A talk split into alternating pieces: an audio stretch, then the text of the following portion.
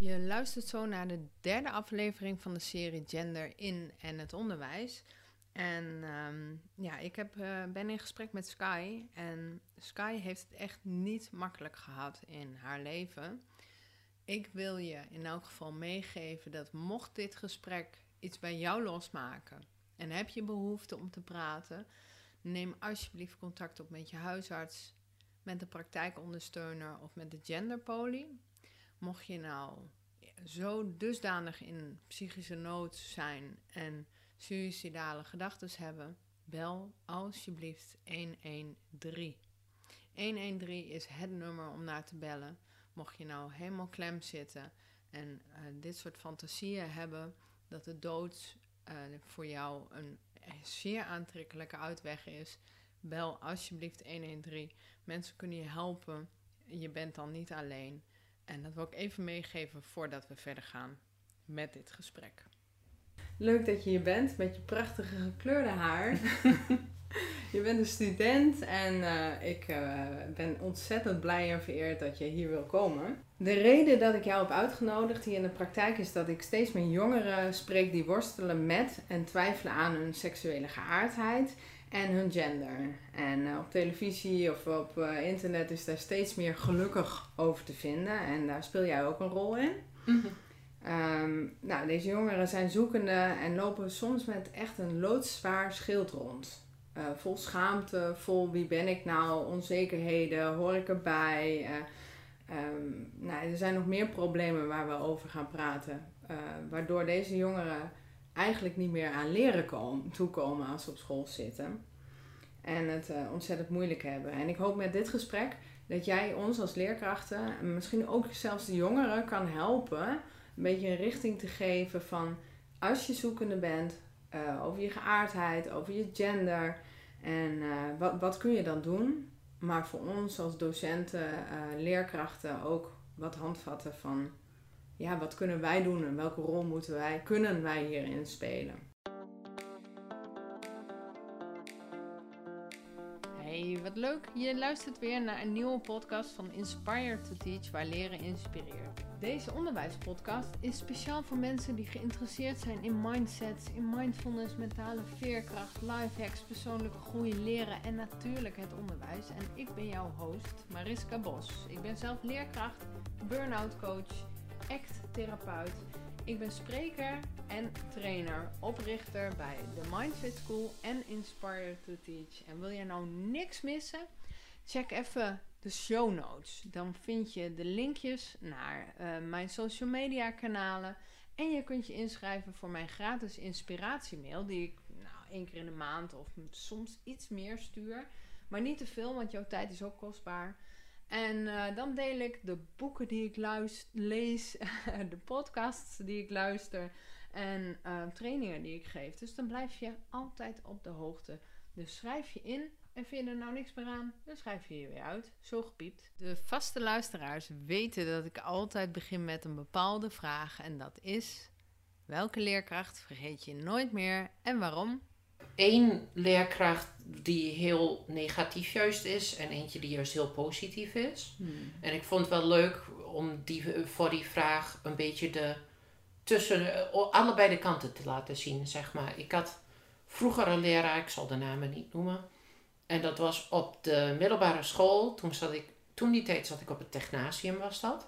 Hmm. En dat was een leraar die in, tegenwoordig weet ik dat ik ADD heb en dat soort dingen. Dus dat ik mhm.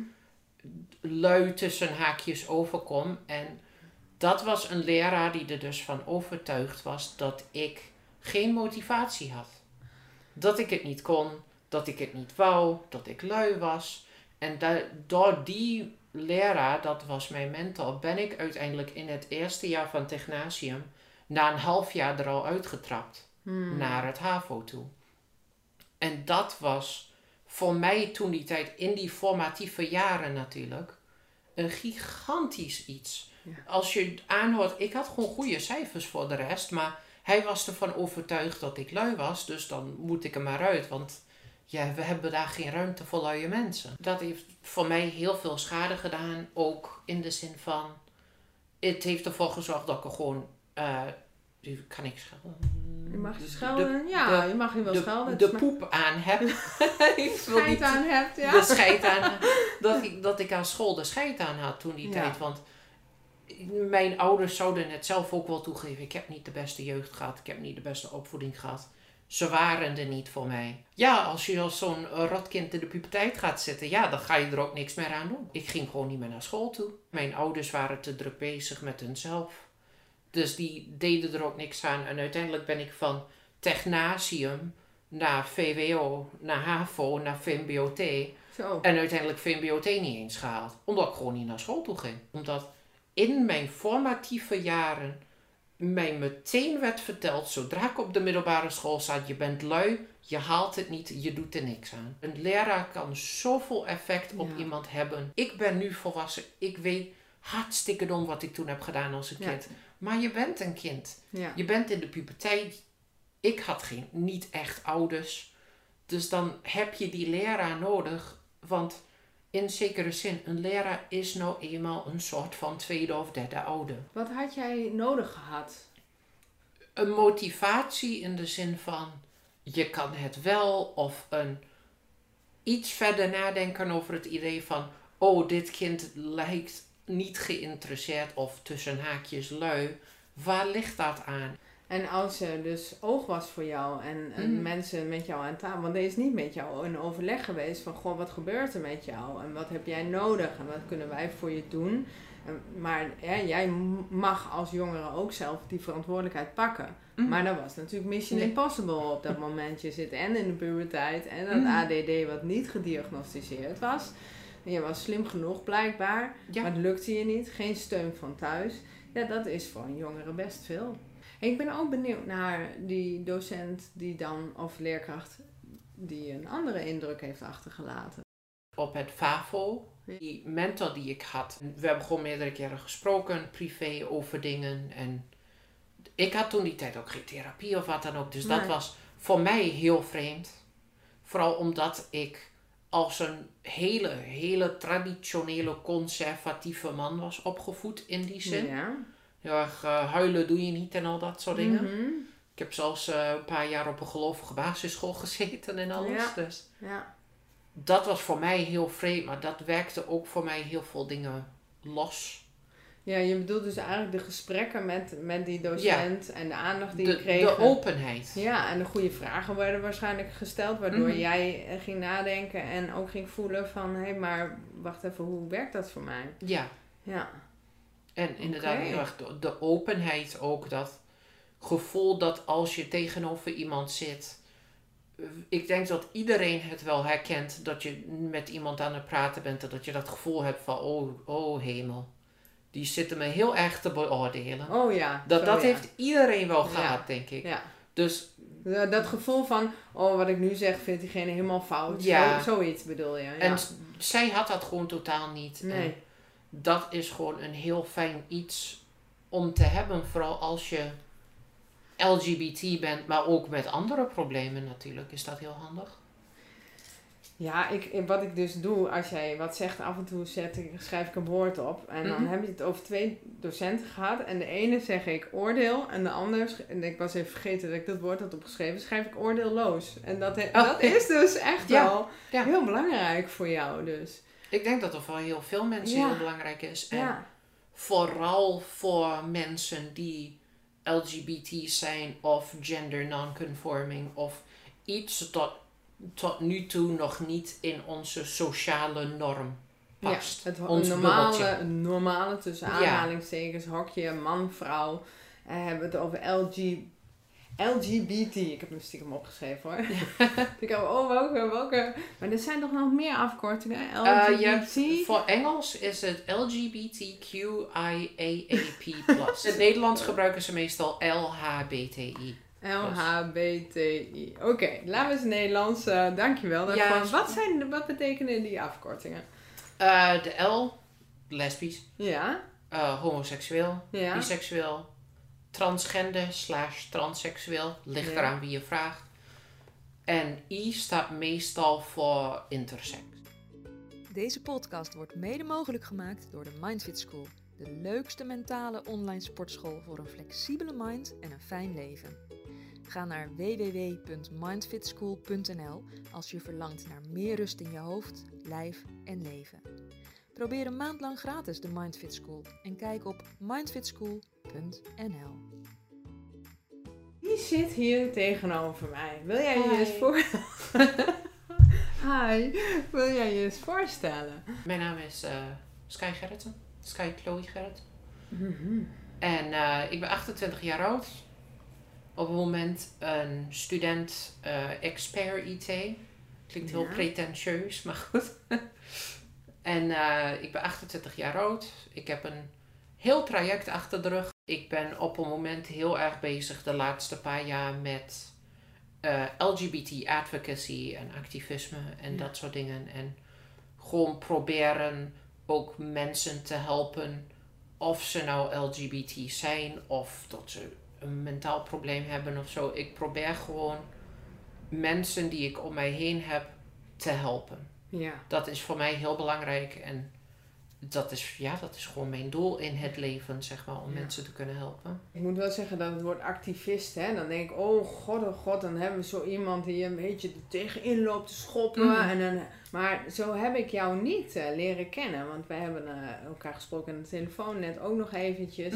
Zo kom jij helemaal niet over. Dus voordat we aan dat woord activist denken, oh dat is een railschopper en... eh, ik, heb ik dat goed ingeschat? Ja, absoluut. En het is heel belangrijk om te beseffen dat inderdaad als je aan het ideetje activist denkt en je meteen denkt aan iets agressiefs in die zin. In elke groep, in elk bubbeltje in de hele wereld, Mm. je hebt een rebelse minderheid. Mhm.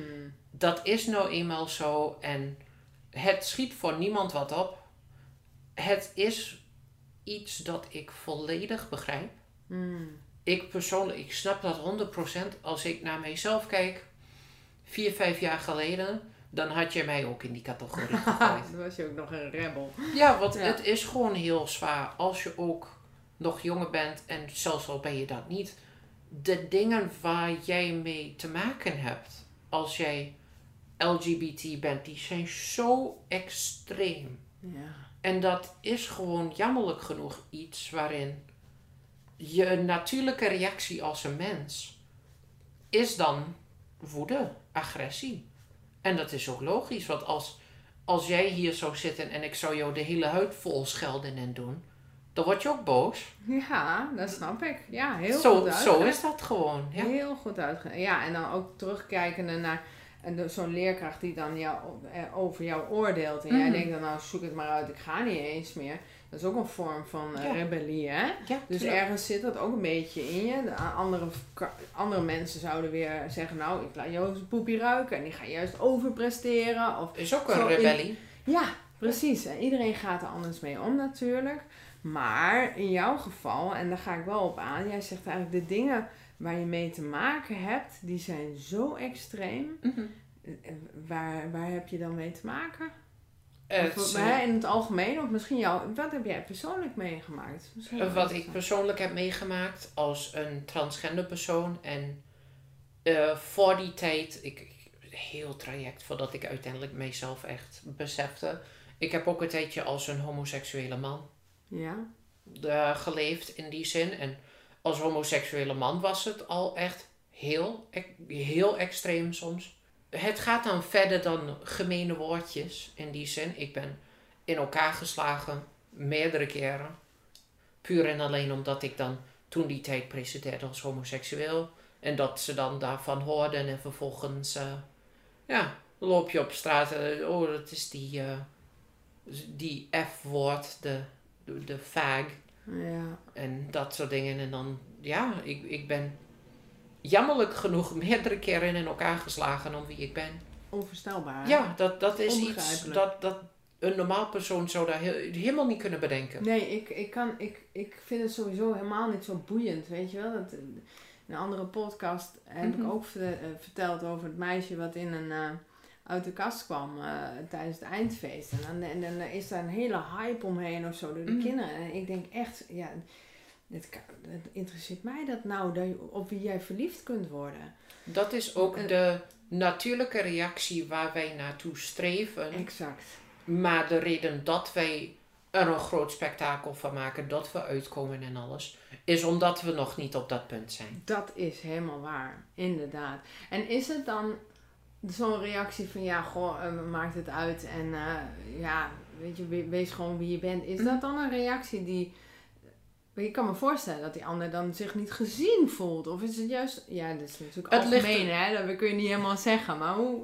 Het ligt er heel erg aan hoe het ook gepresenteerd wordt. Ja. In de zin van, je hebt het boeit me niet en het boeit me niet. Oh ja, je, je hebt daar wel echt een verschil in tussen het boeit me niet en ik accepteer jou en Ja. het boeit me niet en het boeit me niet, Ja. zeg maar. Ja, ik ben niet geïnteresseerd Ja, in jou. je hebt de, tolereren en accepteren. Ah, Zo, daar, daar maak ik altijd een heel groot verschil in. Het liefste willen we allemaal acceptatie, dat wij geaccepteerd worden voor wie wij zijn. Maar ik ben ook al lang blij als we getolereerd worden. Dat, ja. dat, dat is gewoon zo. Het zal altijd, zelfs honderd jaar later, zelfs al als de LGBT community helemaal niet meer bestaat, omdat het doodnormaal is, dat niemand er meer over nadenkt over de labels en dat Ja. soort dingen. Zelfs dan zul je nog steeds mensen hebben die het niet accepteren. ja, en dat, dat komt is gewoon. Natuurlijk, Ja. dat is menselijkheid. Ik was vroeger al, eh, vanaf heel vroeg af aan al, ik wou mijn haar absoluut niet laten knippen. Ik, ik Je ging haar, echt, ja? ja, ik Ja. ging echt huilen. Ja. Mijn ouders forceerden het steeds, maar ik zat echt te huilen op de stoel als ze mijn haar knipten. Was je bang voor de kapper of wilde je lang haar? Ik wilde lang haar. Aha. Ja, dat is, als je zo'n kind bent, is dat vooral heel moeilijk te articuleren, omdat toen die tijd had je ook die resources nog niet over Nee. de LGBT en zo. Dat, Maar je was ook en ik zat ook op gelovige basisschool Ja. en het idee dat iets bestaat dat niet cisgender heteroseksueel is, pff, dat- absoluut niet. Dus je had eigenlijk al toen al een beetje dat gevoel van ik, ik dit lichaam, ik ben als een jongetje geboren, Mhm. maar er klopt iets niet. Eh, Ja, ik, ik had er alleen totaal geen woord voor of Nee. idee van of wat dan ook. Want Nee, wat dan wel, hè? Ja, Wat, ja, wat moet je ervan denken als je zo jong bent en je ook gelukkig tegenwoordig is het wat meer duidelijk en is het ook iets meer waar ouders wat meer verstand van hebben. Hmm, De- als ik met mijn ouders daarover, mijn ouders dachten dat ik gay was. ja. Want dat was het hem Ja. altijd. Ja. Ja. je wil lang haar als een jongetje, ja, dan ben je, je bent vast gay. Maar dat is iets dat ik inderdaad heel veel moeite mee heb gehad. Omdat ik van jongs af aan inderdaad echt dat gevoel al heb gehad. Ja. En dat is heel zwaar, want je snapt het niet als een kind. Nee, En je ouders snappen het niet. nee. En de mensen om je heen snappen het niet. En die pesten je ervoor. Ja, En je hebt geen idee wat er aan de hand is. ja. En wa- wanneer kwam die duidelijkheid voor jou dan? Dat, dat is een heel duf verhaal in die zin. maar dat was. ehm, ik heb uiteindelijk voor het eerst een computer gekregen toen ik 14 was, geloof ik. 13 of 14 jaar oud. Ja. En daar heb ik toen internet gehad. En toen heb ik eh, spelletjes, online, online games gespeeld, multiplayer Hmm. games. En daar heb ik voor het eerst ook mijn sociale contacten opgebouwd in die zin. Dat is waar, in plaats van dat ik naar school toe ging, want op school werd ik gepest en ik was toch lui, dus het maakte Ja. toch niks uit. Zat ik de hele dag achter de computer, zat ik met mensen te praten. Ja, en daar was je niet lui. Nee. en dat, dat was mijn sociale contact eh, toen die tijd. Mijn contact met de buitenwereld. En daar heb ik voor het eerst toen iemand ontdekt. Die ging bij de naam eh Shifan, geloof ik. En dat was een transgender vrouw. Oké.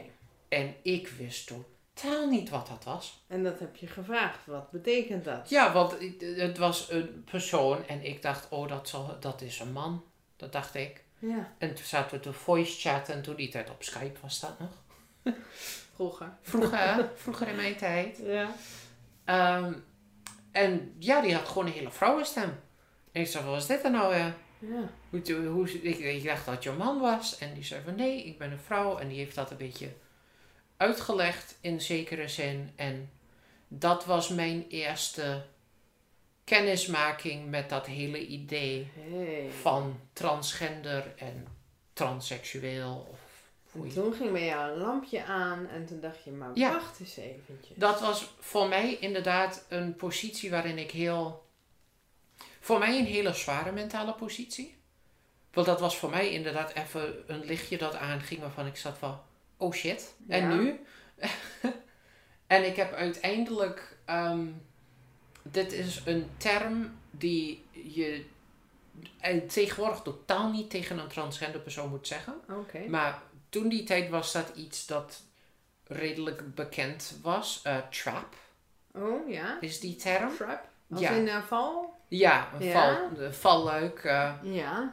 en dat was dus, toen die tijd werden eh, transgender mensen trans, ook transseksueel genoemd en ook trap. En je snapt al waarom dat Ja, iets- nu, je ja, ziet aan mijn hoofd, dat duurde even. Ik denk, ja, wat, maar volgens mij denk ik dat ik weet wat je bedoelt. Ja. Maar leg eens uit.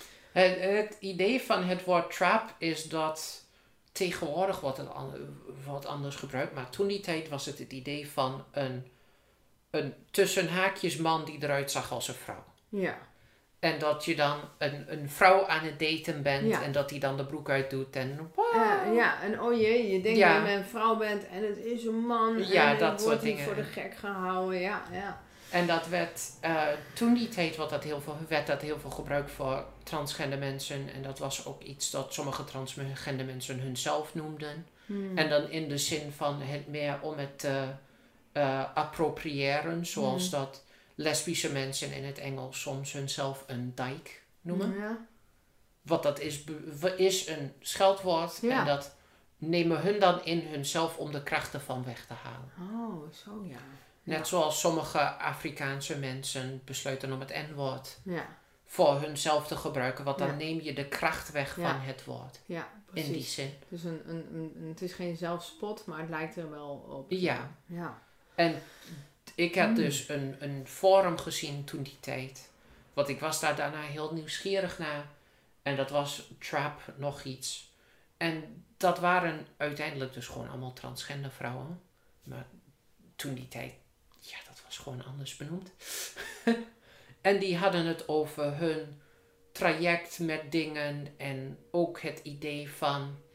Oh, ik dacht eerst dat ik gewoon een, een, een vrouwelijke man was. En Ja. dat ik gay was en dat soort dingen. En dat ze nu ook echt presenteerden als een vrouw. En dat ze helemaal blij daarmee waren. Dat ze zich veel beter voelden en dat soort Ja. dingen. En dat was echt voor mij dat. Het was voor mij een heel belangrijk moment. En ook een heel zwaar moment, omdat dat voor mij het moment was dat mijn opvoeding heel erg begon in te trappen.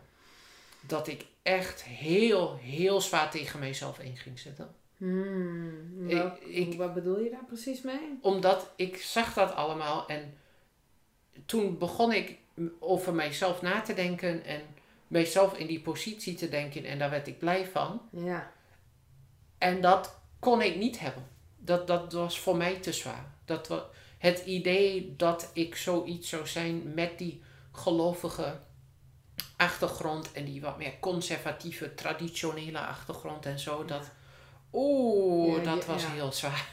Je wees jezelf dus eigenlijk af. Ja, dus een absoluut. deel in jou wilde zo zijn, Mhm. maar een andere deel had zoiets dat kan gewoon niet. En dan, Ik- eh, ja. Ik weet iets wat eh, wel vaker gebeurde vroeger en tegenwoordig ook nog wel. Compenseren. Overcompenseren. oh ja, vertel. Ik, ik liep echt met een baard rond. Oh ja. Dat kan je je nu absoluut niet Nee, ik voorstellen. zie jou niet. Ik, Nee. zie, je- ik zie je echt een mooie vrouw tegenover me. Leuke stijl trouwens. Een beetje, een beetje dark. eh, Nee. Tatoeage.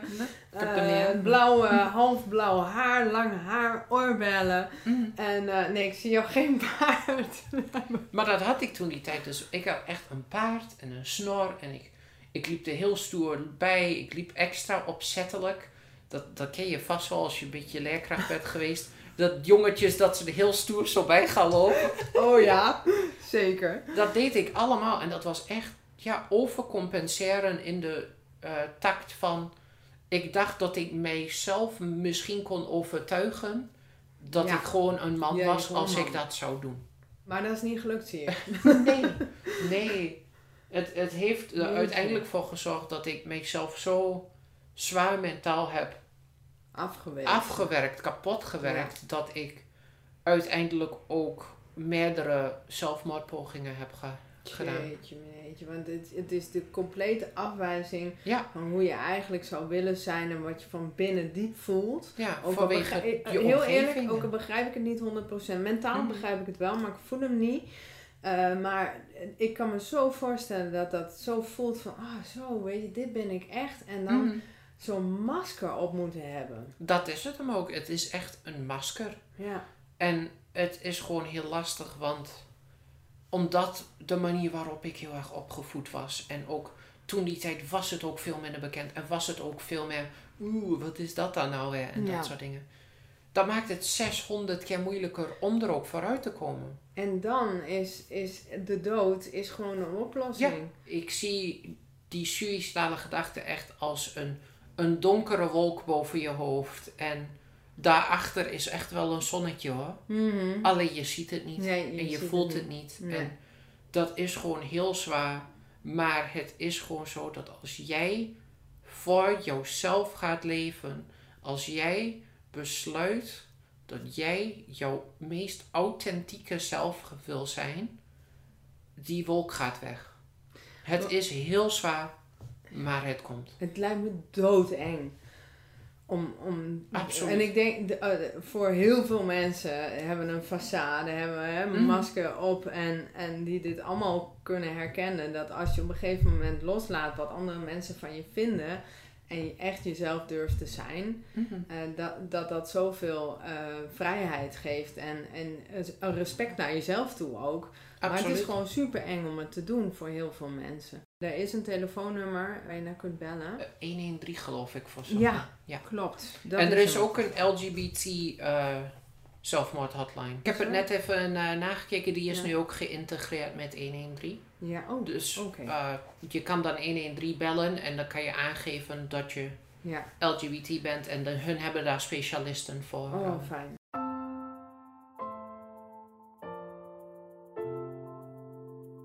Ik besefte me uiteindelijk, ik kan niet echt meer lager komen dan dit. Ik word al in elkaar geslagen. Ik heb al ouders die vrijwel niks om mij geven. Of zo voelde dat in elk geval voor mij toen die Ja. tijd. Ik heb een stiefvader die verschrikkelijk tegen mij doet. Ik ben arm. Ik heb mijn opleiding niet gehaald. Ja. Wat, heb, ik te verliezen? Precies. ja. En dat, Ja. dat was voor mij echt die omwisseling waarin ik stopte met dat hele ruzie binnenin mijzelf. Van dat ik mijzelf moet onderdrukken. Dat ik voor society, voor de mensen, voor de sociale norm in dat bubbeltje wil blijven zitten. Want daar kwam het uiteindelijk op neer. Ja. Ik werd gepest en bla bla bla. Omdat ik eigenlijk niet in dat doosje paste. Ja, en, en ik denk dan, ja, het maakt toch niet uit wat andere mensen van je denken. Maar je hebt Tuurlijk gewoon dat genoeg, ja, je hebt genoeg bewijs gehad dat dat wel, zo, Mhm. wel degelijk zo is. Dat mensen er wel wat van vinden. En zelfs nog, het gaat niet alleen over dat ze wat denken over je. Maar dat ze blijkbaar het nodig vinden om ook nog tot actie te komen. Mhm. En je in elkaar te slaan. Ja. Nou, dat, dat, dat, dat voel je. Fysiek, maar ook mentaal. Ik, Emotioneel. ik zie het zelf als. ehm, ik deed er alles aan in mijn, in mijn macht om in het doosje te passen met de rest van de mensen. En omdat ik het probeerde, werd ik in elkaar geslagen. Dus waarom zou ik dan niet in mijn eigen doosje gaan zitten waarin ik in elk geval blij ben? Exact. Je deed het toch al niet goed. Op het alle Ja. worst case scenario verandert er niks qua sociale normen. En word ik alsnog in elkaar geslagen, maar ben ik blij. Want dan ben ik tenminste mezelf. ja. Dat, dat, ja, het is een win in die zin dat er kunnen alleen maar goede opties van komen. Als jij zo worstelt met jezelf dat je suïcidale gedachten hebt, dan kan je ook niks verliezen door gewoon jezelf te zijn. Ja. Kan je alleen maar mee omhoog. Zo. En, en wat, wat heb je toen gedaan? Wat is de eerste acties die je toen hebt ondernomen? Eh, 2 januari eh, heb ik het VUMC een, ik geloof dat het een e-mail was. Ja. Ik heb ze een e-mail gestuurd. En toen heb ik een tijdje niks van hen eh, gekregen. En toen heb ik ze opgebeld. Twee weken later geloof ik. De genderpolie in het VUMC is dat. Mhm. Dus tegenwoordig geloof ik receptie K. Ehm, die hebben ook online een website, daar kan je bellen, daar kan je ook e-mailen. En dat is gewoon, daar bel je daarna en dan kom je langs voor een intakegesprek. Dat duurt wel even, de wachtrijen en al dat soort dingen zijn Ja. massief, jammerlijk genoeg. Ja. Want de genderpolies in Nederland worden heel zwaar de- underfunded, krijgen Mm. bijna geen geld, die, die verdienen. het- Als je ook daar binnen zit, het zit daar altijd helemaal stampers vol. Jeetje. En ze hebben maar twee of drie medewerkers of zo. Het, het is echt niks. Het is echt niks. Het is heel erg. En dat is de enige plek waar mensen naartoe kunnen als Ja. ze zeggen: Eh, ik, ik ben. er zijn er wel meer Ja. tegenwoordig. Je hebt de, nu de genderpolie in het VUMC. Ja. Die accepteert over heel Nederland. Mhm. Eh, de UMCG in Mhm. Groningen. Eh, die accepteert alleen maar in een bepaalde regio. En je hebt volgens mij geloof ik ook recent een nieuwe genderpolie. Die is een eh, zelfstandige genderpolie. En die is in Brabant of zo geloof ik. En die accepteert ook maar een paar, een paar mensen. Dus vrijwel iedereen in Nederland moet naar de VUMC in Amsterdam. En, en wanneer ga je nog even voor alle duidelijkheid daar naartoe? Wat is dan jouw vraag? Eh, als je, je kan daar naartoe voor heel veel dingen. Ehm, de genderpolie en het VUMC zijn eh, mensen die gespecialiseerd in eh seksuologie Ja. is dat. Dus je kan daar ook naartoe voor als je echt heel zwaar moeite hebt met je seksualiteit. Ook als je een kind hebt dat wellicht transgender is, kan je daar naartoe om dat je kind daar hulp mee kan krijgen. Ook de diagnose wellicht dat ze inderdaad transgender zijn. Ja, Informatie. je Informatie kan je daar behalen. Je- Je hebt daar van alles en nog wat voor alles omtrent LGBT. En ook ehm, gender non-conforming. Dat je jezelf wel gewoon als vrouw ziet, maar dat je absoluut niet van dat tussen haakjes vrouwelijke dingen houdt en dat soort dingen. Nee. Kan je daar ook voor terecht. Ook eh, drag queen, dat soort ideeën, travestieten. ehm, you, you name it. Je noemt het en hun kunnen daarmee helpen in, Hmm. in die takt van alles dat buiten onze societale norm valt. Je noemde ook bij de hele eh, afkortingen een I, intersex. Intersex, Wat, is dat eigenlijk? Intersex is een eh, genetische situatie. Ja. Ik zal het geen defect noemen, want het- het is een beetje wat meer gecompliceerd dan dat. Mhm. Eh, intersex is iemand die. Jij zit hier, Mhm. je bent een vrouw, je Mhm. hebt borsten, je hebt een vagina, je hebt misschien zelfs eh eierstokken, baarmoeder, alles heb je. Maar genetisch gezien ben je dan alsnog een man. Oké. Dat is, dat is in principe waar in, in een cruwe manier wat intersex is. Intersex is een persoon die bepaalde bouwstenen in het DNA anders heeft dan wat het geslacht aan zou geven. Ja, ja. En dat, dat is intersex. En ehm, een goed voorbeeld dat altijd genoemd wordt is een, eh, een vrouw die gaat naar de dokter toe en die is al 15. En die zegt, ja, ik heb mijn eh, periode nog nooit gehad. En de dokter zegt, wat is dat dan vreemd? Want zit wel al in de puberteit en alles. Begint al borsten te groeien en al dat soort dingen. Ja. Nog steeds nooit een periode. Ja. Dus dat, dat, ja, dat is vreemd. Dan zit je, wat is daar nou weer aan de hand? En vervolgens, die dokter heeft dus testen gedaan. En eh, bloedtesten en DNA-testen en zo. En blijkt dus dat genetisch gezien deze vrouw met eierstokken en de baarmoeder en alles erop en eraan, is genetisch gezien vanwege één bouwblokje in het DNA, is dat genetisch gezien een man. En die kan daardoor ook geen kinderen hebben Nee. en dat soort dingen. En Ja, jeetje, verwarrend hoor. Als je Hm? zo, eh, ja. Het, het is iets dat heel erg over gespeculeerd wordt, want een DNA-test neem je niet zomaar even. Nee. Dat, dat, dat Ik gaat zit niet even. direct te denken van hoeveel mensen zouden nou eigenlijk op de Ja, school waar ik werk precies. zo... eh, hè? Want als je kijkt over, het is echt speculatie hoor. Dit is, Mhm.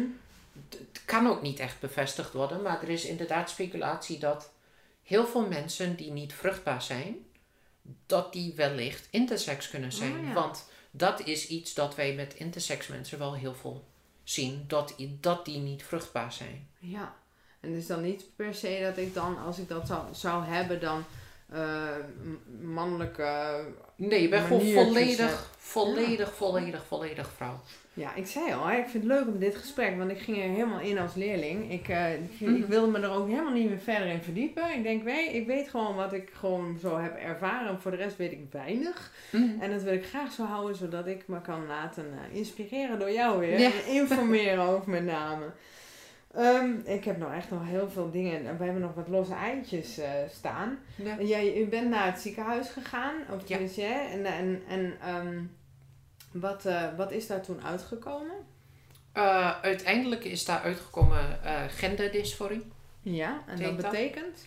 Dat betekent dat je dysforie is een gevoel van oncomfortabel of zelfs pijn, angst, nervositeit, iets in die richting, omrent een situatie, in dit geval jouw gender. Ja. Dysforie is niet iets dat puur alleen genderdysforie is. En het is ook een hele belangrijke distinctie. En dat wil ik nu meteen even zeggen voor potentieel mensen die ernaar luisteren. Je hoeft geen genderdysforie te hebben om transgender te zijn. Je hebt ook iets dat heet gendereuforie. Oeh, dat klinkt... En eh, daar hebben mensen het heel weinig over, want Ja, het gesprek wordt altijd heel snel gevormd naar het idee van: oh ja, ik ben heel, ik voel me heel ongelukkig als een man, dus Ja. dan ben ik een vrouw en dan voel ik me beter. En dat is helemaal goed. ja, Maar je hebt ook die situaties waarin iemand gewoon comfortabel is als een man of als een vrouw, maar ze zijn blij als ze als het andere gezien worden. ja. En dat is iets waarin eh, heel veel situaties hebt, zoals mensen die eh, crossdressers noemen ze zichzelf. Die, het zijn bijvoorbeeld mannen die zich echt kleden als vrouw en dat soort dingen. En dat is ook een gevoel van gender-euforie. Mhm. Want dat Ja. is, oh, hun zien mij als een vrouw, daar word ik helemaal blij van. Dat vind ik hartstikke leuk. ja. En het betekent niet dat crossdressers meteen transgender zijn. Maar het betekent wel dat er ook transgenders zijn die ook gender-euforie hebben. Die dat echt blij van worden om zo gezien te worden. En die daarom ook in de transitie gaan. Omdat ze daar zo blij van worden dat ze zo gezien worden. Ja, weet je, het, mijn conclusie is gewoon, het is, je kunt helemaal niks zeggen over Nee. het algemeen. En dat geldt natuurlijk met alles. Hè? Eh, Je, als je het over vrouwen hebt, dan heb je daar ook allemaal een verschil. Mhm. Mannen en alles wat ertussen zit of daarbuiten valt. Ehm, de, dus ik zit dat ook elke keer te vertalen voor mij als leerkracht of als Mhm. therapeut, als ik met mensen praat. Eh, je moet echt in gesprek. Van hoe, Ja. waar voel jij je comfortabel bij? Absoluut. En ik ken iemand, als een jongen geboren, wil je dan als, eh, hè, hoe wil je eigenlijk aangesproken worden? En daar had jij eigenlijk ook een hele mooie eh, Ja. tip voor. Dus daar komen we zo nog, die parkeren we heel eventjes, maar hou vol. Luister aan, er, komen, er komen echt mooie tips. Ehm, de, en, en die persoon, die, hè, die zijn experimenteren, als jongetje geboren, nagellak, lippenstift, lange haar, wil, wil diegene dan een meisje worden? Nou, dat hoeft dus helemaal niet per se. Dat, Mm. het, het feit dat je met lippenstift rondloopt of eh, iets, hè, een, eh, een jurkje van je moeder probeert of iets dergelijks, of van je zus, dat wil niet zeggen dat je dan die transitie door wil. En daar, ik denk dat dat het allerbelangrijkste is als docent, leerkracht. Daar gewoon over praten. Eh, misschien zelfs in de klas kunnen we het er al wel over hebben. Eh, ik vind het COC daar ook een hele mooie rol in. En in al die informatieve middagen. Dat ze op school komen, dat ze dingen bespreekbaar maken. En dat dus ook jongeren kunnen denken: oh, maar wacht eens even, ik dacht dat ik homo was. Maar ik ben misschien wel biseksueel.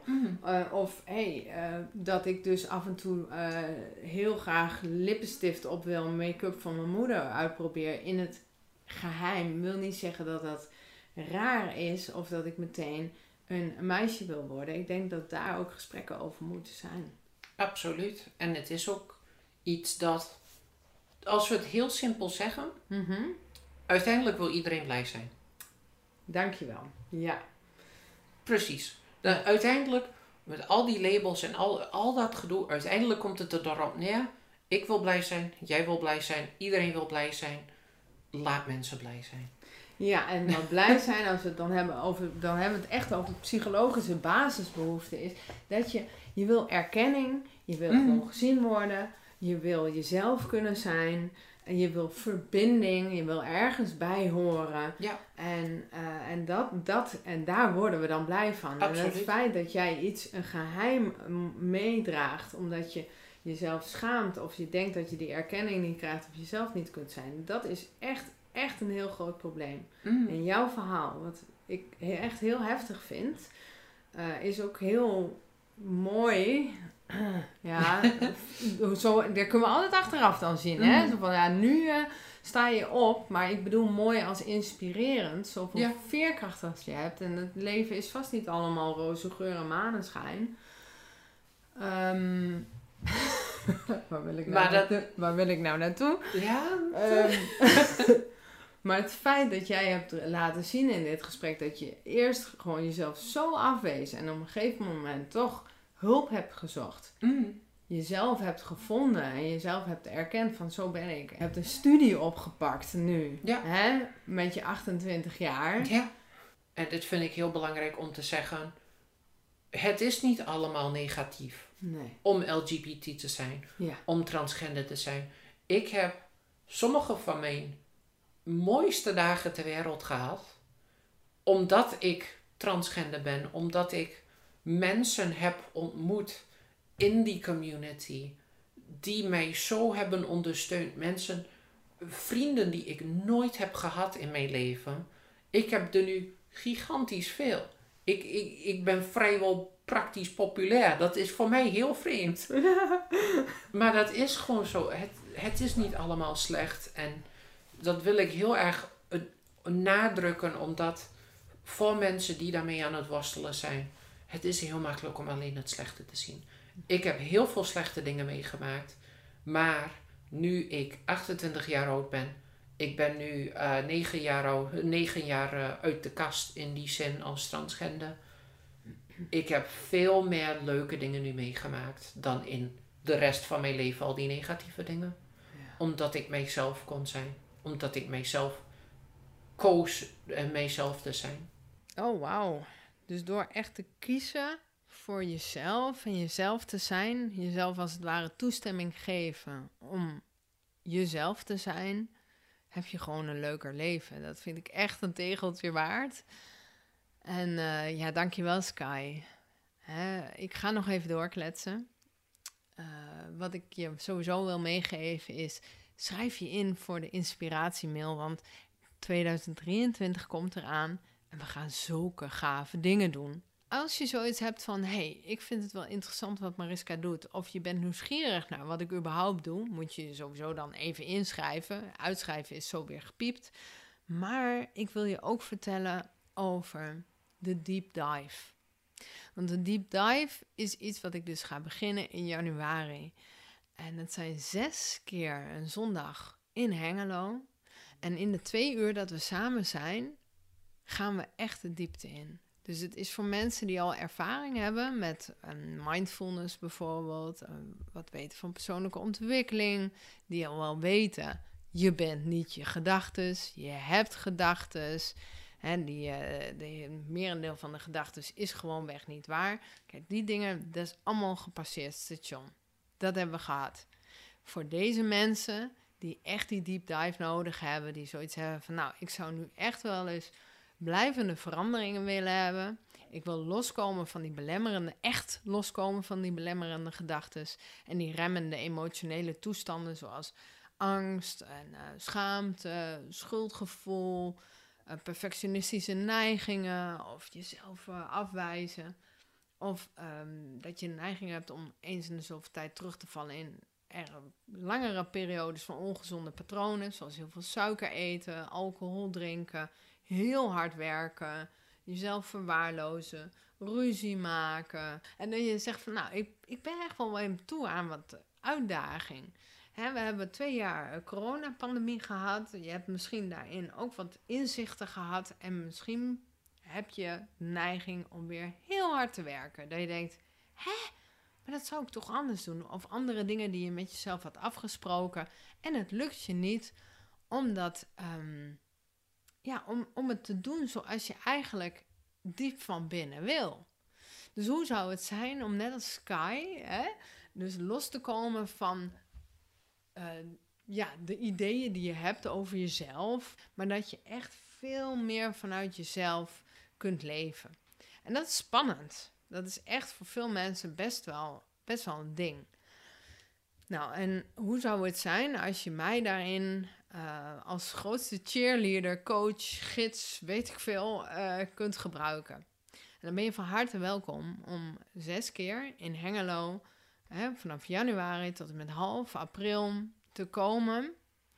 En uh, echt de diepte in te gaan door diepe meditatie, slow yoga. We werken met muziek, indrukwekkende ademwerk. Uh, nou, we doen van alles en nog wat. Je kunt ijsbaden instappen en jezelf echt uitdagen om het anders te doen.